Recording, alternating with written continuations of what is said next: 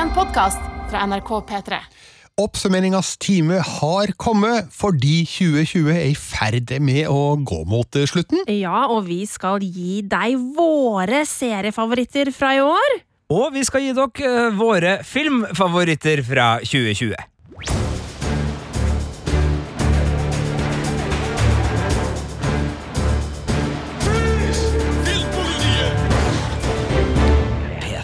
Her er vi. The gang is back together again. Birger Vestmo. Marte Hedenstad. Og Sigurd Vik. Og vi skal altså oppsummere litt her, og det er noe av det vanskeligste jeg gjør i løpet av hele året, rent jobbmessig. Det er å finne ut hvilke filmer og hvilke serier var det egentlig jeg likte best i år. Jeg vet hva, Det er altså så vanskelig, fordi det er jo så vanvittig mye å ta av, og det å da skulle plukke ut én favoritt hver eh, er jo nesten umulig. Ja, Jeg føler meg aldri helt sikker på om jeg egentlig har valgt rett. Eh, Hvordan er det med deg, Sigurd? Nei, Det eneste jeg vet, er at uh, dere som hører på, nok kommer til å være uh, samla, så å si, om at uh, om ikke vi tar feil på alt, så tar i hvert fall vi feil på litt. Uh, sånn, sånn pleier det å være. Men det har- eh, det er jo et eh, litt sånn snedig år, det her 2020. da. Jeg synes jo På seriefronten så har det jo bare liksom Altså Et allerede stappfullt øh, serielandskap har bare blitt enda mer stappfullt. Det er tolv strømmetjenester og over 50 serier i måneden, altså seriepremierer. Mens på filmsida så har jo 2020 vært et litt annet år, Birger. Ja, for pandemien satte jo en stopper for mange storfilmer i år. Top Gun ble utsatt, James Bond ble utsatt, Wonder Woman ble utsatt, og det er flere produksjoner som er satt på vent. Sånn at eh, når det gjelder de store blockbusterne, så har 2020 vært et litt tynt år, kanskje med unntak av Tennet Tenet først og fremst, kanskje. Eh, Men samtidig så kan ikke jeg si at jeg savner filmer med god kvalitet, for det har det likevel vært på kino gjennom hele året, om en litt færre antall premierefilmer da fra uke til uke. Og så er det jo sånn at uh, den pandemien her kom jo ikke 1. januar, øh, så uh, liksom uh, fjorår Eller 2020s Oscar-race eh, rakk jo å gå på kino, så det er jo en del eh, kvalitetstitler som øh, jeg ser når jeg går gjennom liksom, kinotoppen 2020 og ser liksom, på billettinntekter, så øh, ser den litt sånn fragmentert og rar ut, men, men der var det noen gode minner som dukka opp. Ja, det var jo i år! Det bare føles ut som 20 år siden Eh, i 2020! Det er helt sprøtt! Det der å klikka meg tilbake i arkivet vårt på p3.no filmpoliti for å se ja, hva er det vi egentlig har sett og anmeldt i år. Eh, og det er jo veldig mye. Og da er det bare sånn derre Hæ, har jeg sett den filmen i år? Og det var sånn i juni. Føles som 100 år siden. Ja, ikke sant? Jeg hadde samme følelsen da jeg satte opp min topp 10-liste på filmfronten, og 1917 kom opp, og 1917, det var jo i 1917! Eller i, hvert fall i fjor, men nei da, det var også i år at den hadde premiere på kino. Men det her er en følelse jeg kjenner godt igjen fra alle tidligere års oppsummeringer. Man blir overraska over hvor langt året egentlig er, da, når man så vidt husker filmer som bør være med oppe på topp ti. Men i denne podkasten skal vi altså nøye oss med mm, ett filmtips og et serietips hver, altså en favoritt da fra kino eller fra skjermen. Og eh, hvem har lyst til å begynne? Nei, vet du hva, jeg bestemmer at du, Marte. Du skal, du skal starte. Får jeg lov å starte? Ja. Eh, og hva, hvor skal vi Ja, begynne? skal vi på serie serie? eller film? Vi skal starte med serie. Vi skal starte med serier. Ok, eh, Og her var det faktisk veldig lett for meg eh, å velge ut eh, min absolutte favoritt fra året som er gått. Vi kan jo ta en liten lytt.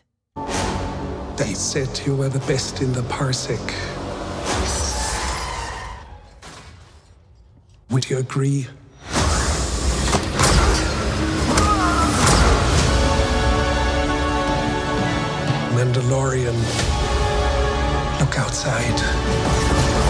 They're waiting for you.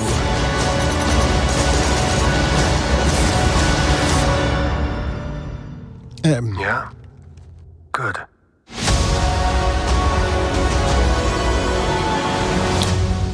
Unnskyld, jeg begynte å snakke før du var ferdig her, men hvilken smal, sær kunstserie er det her, Marte? Nei, altså, det er en sånn lita serie. Jeg vet ikke helt om du har hørt om den, Birger. Den heter Mandalorian. Jeg vet ikke om det ringer noen bjeller. Jo, det gjør det, faktisk.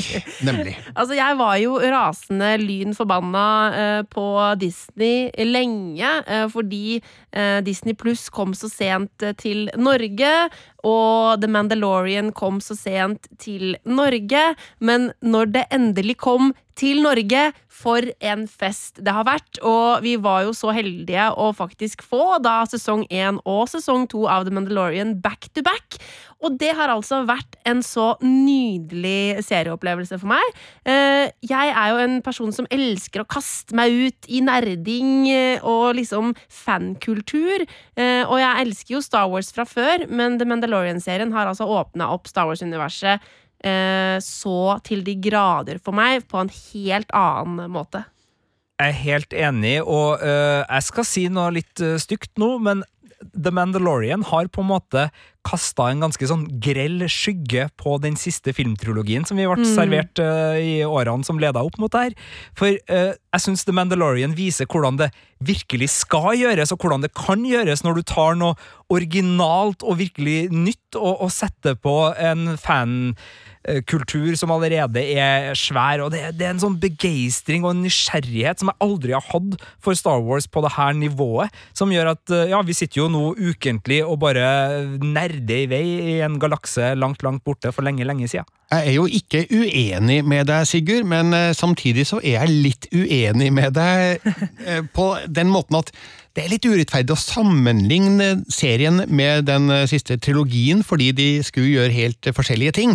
Altså, Den siste trilogien skulle jo avrunde en 40 år gammel eh, saga, mens eh, serien skulle jo bare sparke i gang nye ting i Star Wars-universet, basert på gamle elementer, da, riktignok. Så jeg vet ikke helt om det lar seg sammenligne så lett, men jeg er jo helt enig med deg at ja, sjøl om jeg likte mye i prequel, unnskyld, den siste trilogien, så um, er det enda mer gull å hente i Mandalorian i nesten hver eneste episode. Mm. Og det har vært noen transportetapper, det har jo det, men det har òg vært en, en hel rekke med gullepisoder med spennende regissører som gjør ulike ting innafor rammene som The Mandalorian-universet har. Jeg vet at det er litt vanskelig for oss, spesielt meg og deg, Marte, som har sett det her som én sesong, men ja. vi har jo fått to sesonger av Mandalorian. og Eh, den eh, innvendinga du hadde, Birger, med, med transportetapper, syns jeg er veldig treffende for sesong én, som hadde eh, ujevne episoder. Det har det vel vært i sesong to òg, men begge to Hvis dere liksom skulle prøve å si hvilken sesong som er den beste, har dere en favoritt? Nå har ja. det jo Det er jo én episode igjen av Mandalorian sesong to mm. mens vi spiller inn det her, men, men hvordan har, har, de skilt seg? Min favoritt er sesong to, men det tror jeg kanskje handler litt om at sesong én klarte å skape et sånn forhold til de rollefigurene vi jo da fortsetter å følge i sesong to, som gjør at jeg er så utrolig investert i det som skjer med dem, og jeg er dritglad i dem. Um, men samtidig så har du jo rett i det du sier, at eh, det er ikke like mange transportetapper kanskje i sesong to som kanskje i sesong én, men, men altså jeg eh, har jo likt transportetappeepisodene også, jeg, da. Eh, fordi i Altså den har jo i tidvis den formen som en sånn såkalt procedural, eh, nesten, eh, Mandalorian. Altså uh, avslutnings, avsluttende handling i hver episode. Um, og det kan jo være veldig gøy, så lenge det gjøres bra. Um, og jeg får jo på en måte assosiasjoner til gamle Firefly, eller altså Si Buffy nå. Ja, jeg skulle til å si Buffy. Jeg faktisk så det at jeg skulle ja, si det. Ja, det Buffy-ansiktsuttrykket ditt. Umiskjennelig Marte Henstad. Og det er jo ting jeg koser meg med. Så det er jo kanskje et eller annet sånn derre jeg lurer på om det er noe sånn der nostalgisk preg over serien også, og jeg er jo en skikkelig skikkelig nostalgiker, så det kan jo hende at det er noe av grunnen til at jeg koser meg såpass også. Ja, jeg likte også sesong to enda bedre enn den første, og det tror jeg har å gjøre med at de har eh, skjønt mer eh, om hvordan de skal kunne utnytte dette universet til å fortelle en spennende historie på ulike måter. Eh, de la grunnlaget i sesong én, som du sa, men de har nok lært mye om spesielt teknologien de har mm. brukt for å lage The Mandalorian, slik at de kunne skarpstille skytset enda bedre da i sesong to. Så jeg, jeg, bare gleder meg til mer. av noe. De må jo ikke slutte med det her. altså Når de lager så bra underholdning som The Mandalorian har vært til, til nå, så får jo jeg store forhåpninger om hva Disney kan levere seinere. Vi vet jo at de har flere Star Wars-planer i hytt og pine, og man kan jo lure på om er det for mye Star Wars ute og går nå.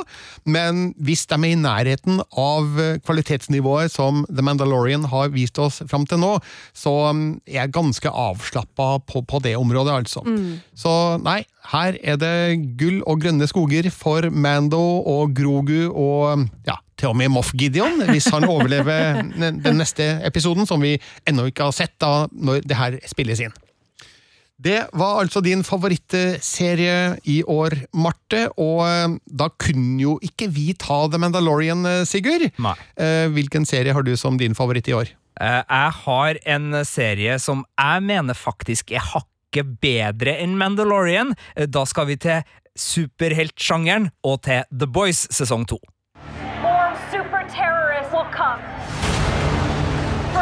Know, these maniacs could be waiting for their chance to kill us all. Who the fuck are you? I'm just trying to help. Really? How? We are in a war, but we can fight back with an army of supermen, millions strong. Now, don't be a pussy. Laser my fucking tits. Ja, sprekt eh, språk i The Boys, Sigurd. Ja, det er Om det ikke er 18-årsgrense på The Boys, så burde det kanskje være 18-årsgrense på The Boys. Det her er superheltsatire av aller blodigste, skarpeste, kvasseste og groveste sort. Og eh, Marte Hedenstad, min kjære kollega, trilla terningkast seks på denne sesongen. Og vet du hva, Marte?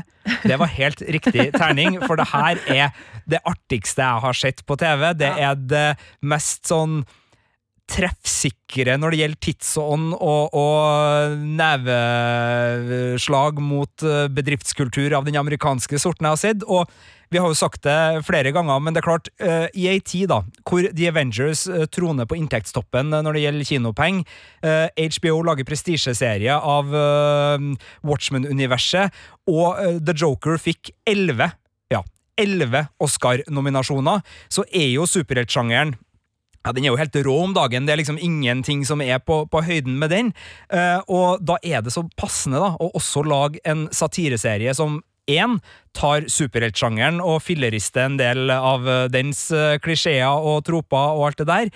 Eh, og nummer to eh, tar eh, den forretningslogikken som ligger bak, altså kjendiskulturlogikken, om hvordan man skal uh, alltid framstå plettfri, hvordan man kan gjøre alt mulig faenskap både på kveldstid og ikke minst i oppryddingsarbeidet for å få det til å se plettfri ut, og uh, hvordan den amerikanske kapitalistiske selskapskulturen og eh, tilhørende litt sånn militærkultur, altså skap problemer sånn at du kan komme inn og løse dem. Altså alt mulig av sånn djevelsk opportunisme som finnes der, har også fått en fantastisk fin plass i, i The Boys, så, så det har vært helt nydelig sånn tematisk. Og så tror jeg Homelander, spilt da av Anthony Starr, er den jævligste skurken slash helten Ja. eh, jeg har sett på TV på lang, lang tid. Han har virkelig blitt en eh, helt nydelig eh, speilbilde av Supermann-myten, eh, som er pervers, grov, jævlig, sadistisk og eh, sterk. Jeg tror han er min nye favorittskurk i superheltunivers,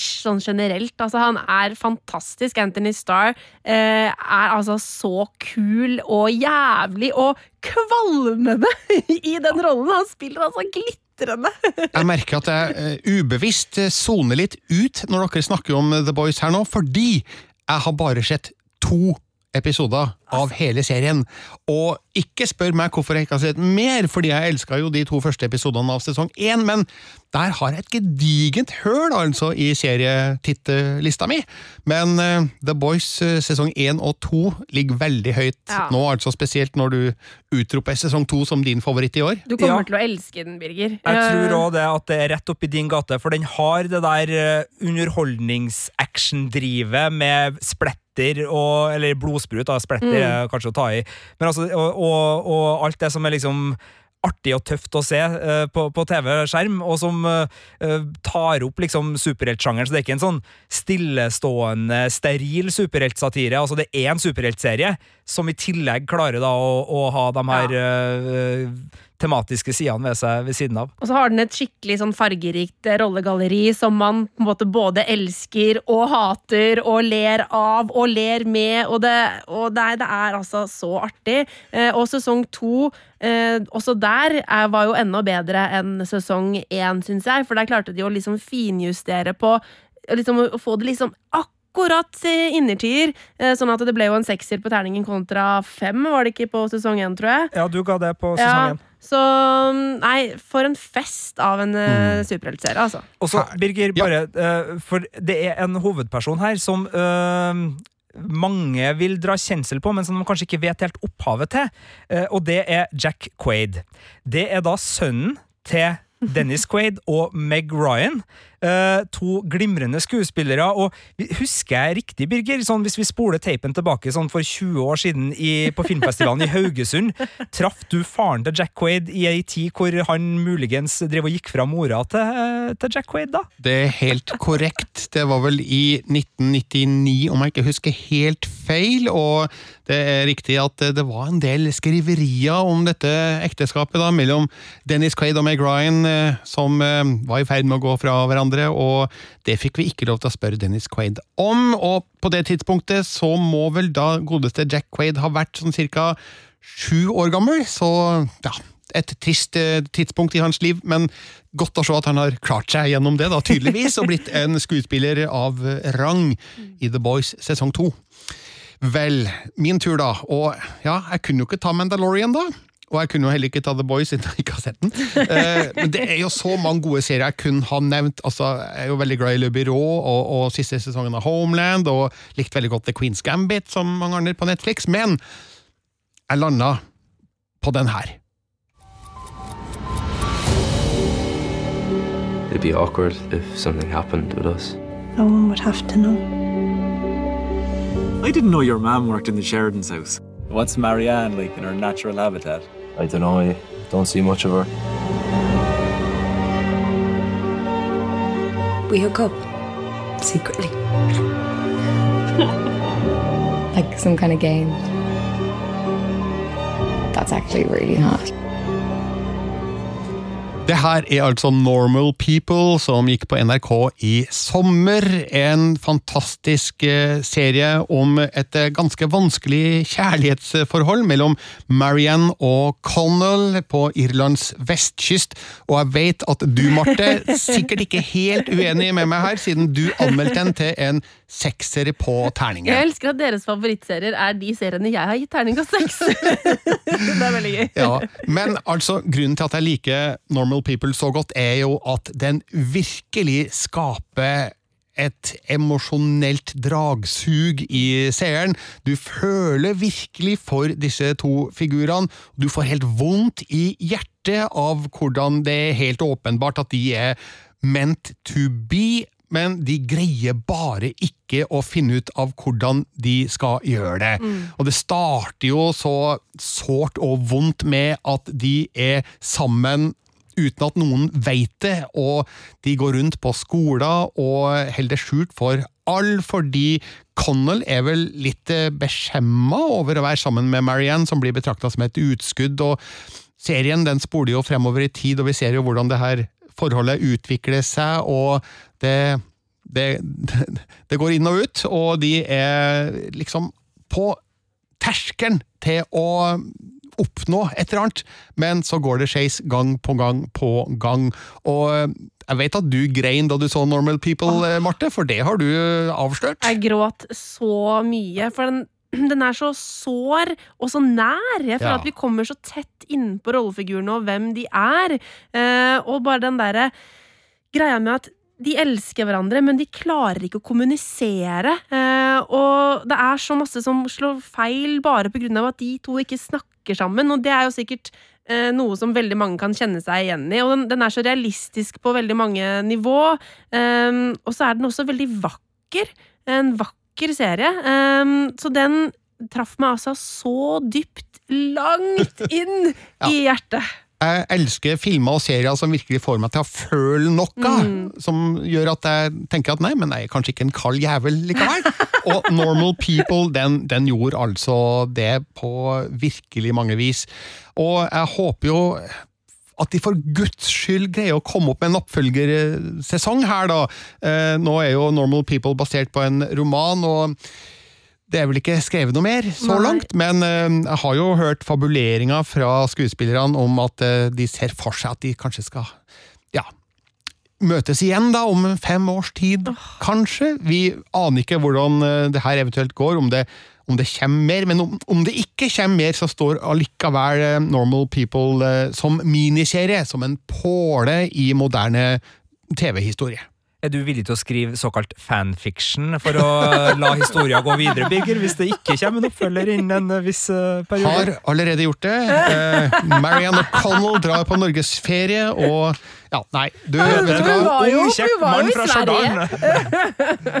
Nei, men I hvert fall så vet jeg at Normal People har satt spor hos eh, mange flere. Det ble en veldig populær serie da den gikk på NRK, og nå veit vet jeg ikke i farta hvor den er tilgjengelig, om den er tilgjengelig noe sted. Ja da, Den ligger fremdeles på NRK TV, og så har jeg hørt eh, snakk om at HBO Nordic også skal få tak i den, så vidt jeg husker. Så, men den er eh, ikke noe problem å se på NRK TV enn så lenge. Det er riktig, så da er det bare å komme seg ut eh, dit, og så får man se noe av det aller beste som ble prestert på TV i år.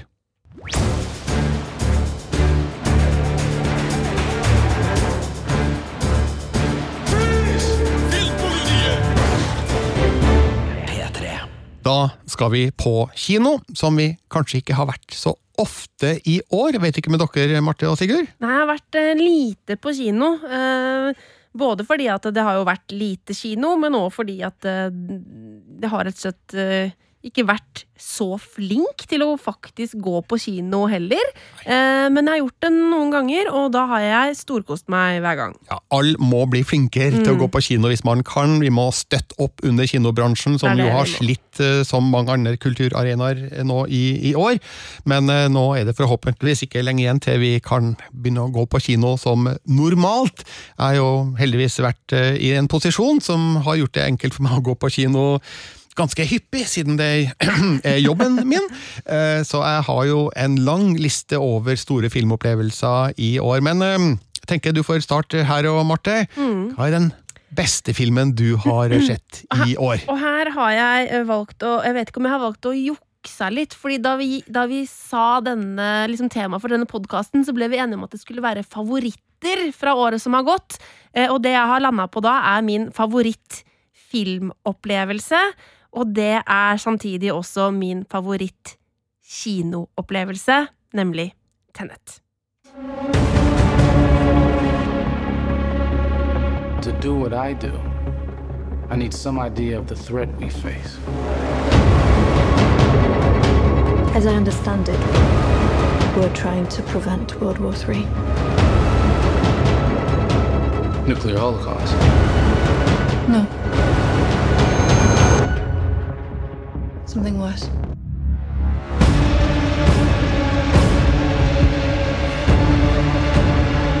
It'll happen here? Hasn't happened yet. Ja, Tenet var jo filmen mange håpa skulle redde hele kinohøsten. Det var vel den eneste storfilmen som kom i høst, og Christopher Nolans eh, nyeste, den skuffa ikke deg? Nei, den, altså, den eh, er jo ikke den beste filmen fra i år, men det er den filmen som virkelig viste meg at å, fy faen, altså! Film er best på kino. Sorry for, det, for uttrykket. Men det er, var jo en skikkelig storslagen eh, filmopplevelse. eh, Og det var en film som eh, jeg så da på kino etter å ha ikke vært på kino på en god stund. Og det var altså så kult å bare få komme inn i kinosalen igjen og sitte der med popkornet og, og liksom bare motta det som var liksom en skikkelig heftig eh, filmopplevelse. Bare advar dere begge. Eh, Jeg vil gjerne høre mer om hvorfor Tenet er på, på toppen av lista, men jeg har ikke sett den ennå. Så, så, så ikke noe spoiling her, okay. folkens. Okay, greit. Nei, men greit, da skal vi prøve å holde oss unna Ja. det. Men jeg, jeg kan si så langt, eh, eller så mye som at um, den er ikke på min topp ti-liste over filmene jeg så i år, men den er rett utafor, på Mm. boblerlista. Men det er kanskje en av de filmene jeg er mest truende til å se om igjen, før en del av de som er på topp ti. Så den har en eh, gjensynsfaktor som jeg tror er ganske stor, selv om jeg har bare sett den én gang enda, og det var på kino.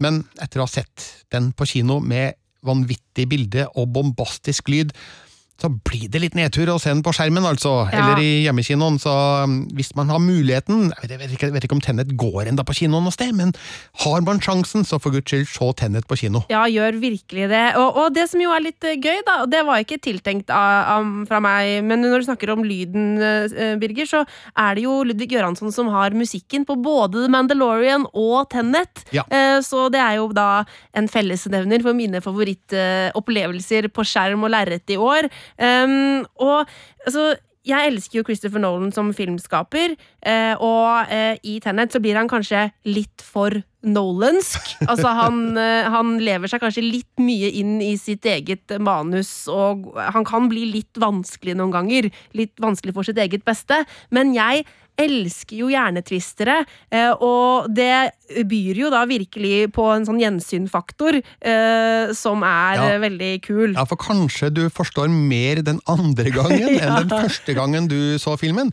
Men eh, hvordan reagerte du helt på slutten da det viste seg at butleren gjorde det? Nei, Sigurd! Da tenkte jeg oh wow! Oi, unnskyld! Jeg tulla med deg, Sigurd. Jeg kødda med deg. Ah. Gerard Butler spiller ikke inn Jeg filmen. Det var ikke et sånt eh, pek der du liksom hint Nei, Nei. altså, men men eh, det, der er jo interessant, for eh, jeg er vel kanskje den i Filmpolitiets redaksjon som er minst glad i uh, konseptthriller-Nolan, som Ja. blir så glad i konseptene sine at han tvinger alt annet til å passe. Ja. Og det verste eksempelet er den jævla bokhylla den i. Interstellar. altså, Fader, altså. For De noe måtte ræl! fremstille Ja. det foran som noe hans menneskelige hjerne kunne forstå, Sigurd! Jeg jeg er veldig glad i Interstellar. Det er mye filmatisk gull der. Eh, Men den bokhylla er litt sånn ja, Ja. Vet ikke helt. Ja, Men, altså, men er det her en uh, Altså, hvordan er konseptet i konseptthrilleren uh, Tenet? Det det jeg skulle spørre om. er Altså, eh, ikke- du trenger ikke beskrive det, men Nei, bare, men det fortell om det. Ja. Jeg digger konseptet. Uh, jeg blir forvirra, jeg blir engasjert, jeg blir fascinert. Eh, det som jo er Jeg vet at mange trekker Tenet for, da, når de snakker om, noe, om hva de har likt og ikke likt, så er det jo det at kanskje rollefigurene ikke får like mye rom. Eh, altså fordi at konseptet vies såpass mye tid. Men jeg syns likevel at Robert Pattinson og John David Washington klarer å bli liksom kule uh, figurer. Uh, som, jeg, som har en god kjemi, og som jeg liker å følge. Um, så sånn at for min del så var det ikke så farlig at de ikke på en måte fikk så mye dybde, kanskje, da. Nei. Den har også et sci-fi-element eller to, som kanskje Mm. du må Ja, du må gape ganske stort, da, men ok. Det er skikkelig underholdende, og det er filmatisk spennende utført av Nolan, så Tenet er en veldig bra favorittfilm eh, for deg, Marte. Eh, Men eh, vi må over på en annen kvalitetsfilm som jeg vet du har satt pris på, Sigurd. Ja, altså, jeg stoler jo fullt og helt på Oscar-akademiet i alt eh, som har med film å gjøre. Nei, det gjør jeg virkelig ikke, men i år så traff de pokker meg helt rett. En film som fikk ett hakk eh, for lite på terningen av selveste Birger Vestmo, spør du meg. Eh, jeg snakker da om Parasitt. 넌 이 좋은 실력으로 왜 미대는 맨날 떨어지냐? 아, 죽을래. 저는 이게 위조나 범죄라고 생각하지 않아요. 참으로 시적절하다. 부자들이 원래 참 잘 속아. 사모님이 뭐랄까. 풀타임으로 수업 어떻게 하시는지. Is it okay with you? Kan jeg si noe til mitt forsvar, Sigurd? Selvfølgelig, Birger. Det er ett og et halvt år siden jeg så Parasitt på filmfestivalen i Cannes, og det er av og til vanskelig å sette den der fordømte terningen. Det er et strev uten like, fordi man skriver en anmeldelse, og så leser man over teksten etterpå, og så begynner man å tenke på er det her en firer, eller er det en femmer, eller er det en sekser? Og innimellom så er skillet mellom femmeren og sekseren veldig vagt, da. Så kan jeg si at Parasitt er en veldig sterk femmer. Altså, eh, Hadde det vært en skolestil, så kunne jeg satt fem til seks. Men det går ikke an på terningen vi bruker, så derfor en, en meget sterk femmer, i hvert fall, til Parasitt. Eh, men hvorfor liker du den så godt? Jeg syns at eh, regissør Bong Joon-ho, eh, hvis det er riktig uttale Ja, det er riktig nok. Ja, det er riktig nok. Bong eh, har klart å raffinert fram en film som er et uh, satirisk blikk på uh, klasseskillene i Sør-Korea. Uh, det er en djevelsk god komedie, det er et rivende drama, og det er så mye artig detaljer som skjer her. Fra pessing i gata til overraskelser i kjellere. Jeg skal ikke avsløre eh, noe mye herlig. Ja, men nå har du avslørt at det er en overraskelse i en kjeller. Ja, det er en overraskelse. De bor i en kjeller eh, for øvrig. eh, Ja. Nei, altså det, det er et så stødig blikk da, på, på samfunnet, bakt inn med en filmatisk, intuitiv forståelse av hvordan kun filmmediet kan brukes til å skildre akkurat de poengene han ønsker å få fram, eh, som, som gjør at jeg, jeg sitter bare og, og altså, jeg det her har jeg faktisk skrevet om en av hans andre filmer som jeg driver anmelder nå, fordi uh, Memories of Murder, som er hans film fra 2003, uh, kommer på kino nå, i, og, og der skrev jeg at det er en sånn film som minner meg om hvorfor jeg elsker film, og som får meg nyforelska i filmen som medium. Uh, sånn var det også med Parasitt, og det er jo ikke noe rart at eh, liksom, regissører som Quentin Tarantino elsker filmskapere som Bong Joon-ho, for det er jo her Tarantino stjeler. Mm. Det er jo her Tarantino kan liksom bite seg fast i detaljer, enten det er i nydelige kamerautsnitt og lekre liksom sånn Uh, klippgrep som, som virkelig løfter opp en, en scene. For det er så mye i det filmspråket her som begeistrer i alle fasettene. Eh, historia syns jeg også er drivende god, og, og jeg liker jo eh, en saftig neve i mellomgulvet til det kapitalistiske system. Det har jeg alltid vært svak for. Jeg er en gammel punker. Jeg syns det her er helt nydelig å sette skapene på plass, og det, eh, den skildringa mellom de som er født til å ikke ha noe, som er vel så smart og, og kunnskapsrik, men de har bare ikke de mulighetene, de får ikke den skolegangen, de har ikke sjans i det her systemet som skal liksom belønne alle for innsats, men det er bare ljug, for du kan gi så mye innsats du bare vil, du har bare ikke pengene eller statusen til å komme deg opp og fram i det samfunnet, systemet er rigga, og det er så deilig å se en film som river av sløret og sier, se på denne faenskapen her, det er rigga, det er ikke sånn som dere sier, det er løgn, det er bedrag, og derfor er Parasitt min aller beste filmopplevelse fra uh, 2020. En klar uh, terningkast seks i min bok, men jeg har full respekt for uh, fem til seksen din. Jeg må klappe litt for den talen der. Det var nydelig, Sigurd. Og jeg er ikke uenig i noe av det du sa der. Så det er absolutt en film man må se, og Parasitt den er tilgjengelig på alle digitale strømmetjenester som leie leier eller eh, selger film, og på Blu-ray og 4K UHD Blu-ray hvis man virkelig er kvalitetsbevisst. Ja, men da er det min tur, da. Og ja, som sagt, det er utrolig vanskelig å finne én favoritt blant alle de gode filmene man har sett i løpet av et år. Jeg ga terningkast eh, seks fem ganger i år, og det var da til dokumentarfilmen For Sama. Til mm, den sort-hvitte, ramsalte skrekkdramafilmen The Lighthouse, den norske dokumentaren Kunstneren og tyven, og den eh, norske dokumentaren Gunda, som eh, jeg så på filmfestivalen i Berlin tidligere i år, og som egentlig skulle ha premiere første juledag, men er utsatt til mars. Og så da, den filmen som jeg har satt helt på topp, og som nødvendigvis må være min favoritt i år, det er en film som eh, hadde premiere på Netflix for ikke så veldig lenge siden, nemlig David Finchers Mank. Hello, everyone. Make yourself to home, Mr. Mankowitz, or shall I call you Herman? Please call me Mank. Mank. Mank. Mank. Mank. This is Herman Mankiewicz, but we're to call him Mank. Mankiewicz. Herman Mankiewicz, New York playwright and drama critic, turned humble screenwriter, Mr. Hearst. This is a business where the buyer gets nothing for his money but a memory. Ja, Mank er altså litt av en gullfilm for alle som elsker det gamle Hollywood, spesielt fordi den handler om manusforfatteren Herman J. Mankiewicz, som skrev mesterverket Citizen Kane, der Orson Wells var både regissør og hovedrolleinnehaver. Eh, Filmen handler ikke først og fremst om arbeidet med manuset, men litt om hans eh, opplevelser i Hollywood på 1930-tallet, og inspirasjonskildene han brukte til å skrive Citizen Kane. Her spiller Gary Oldman en helt fantastisk eh, hovedrolle, som han helt sikkert blir Oscar-nominert for.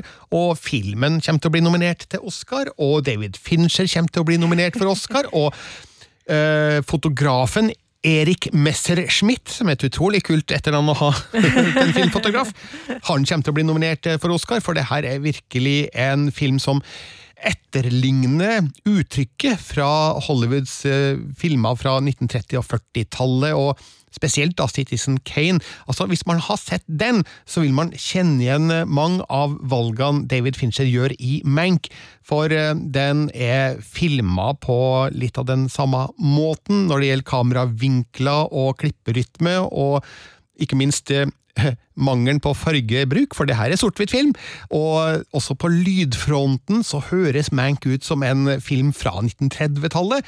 Kanskje en sånn nyrestaurert versjon av en gammel klassiker, og det er stilsikkert til det ytterste her. Så jeg elsker Mank, har sett den to ganger, og jeg kan nok se for meg at eh, Mank funker aller best for de som har en viss forhåndskunnskap da, om Citizen Kane, om det gamle Hollywood, hvilke personer som var players i Tinseltown på den tida.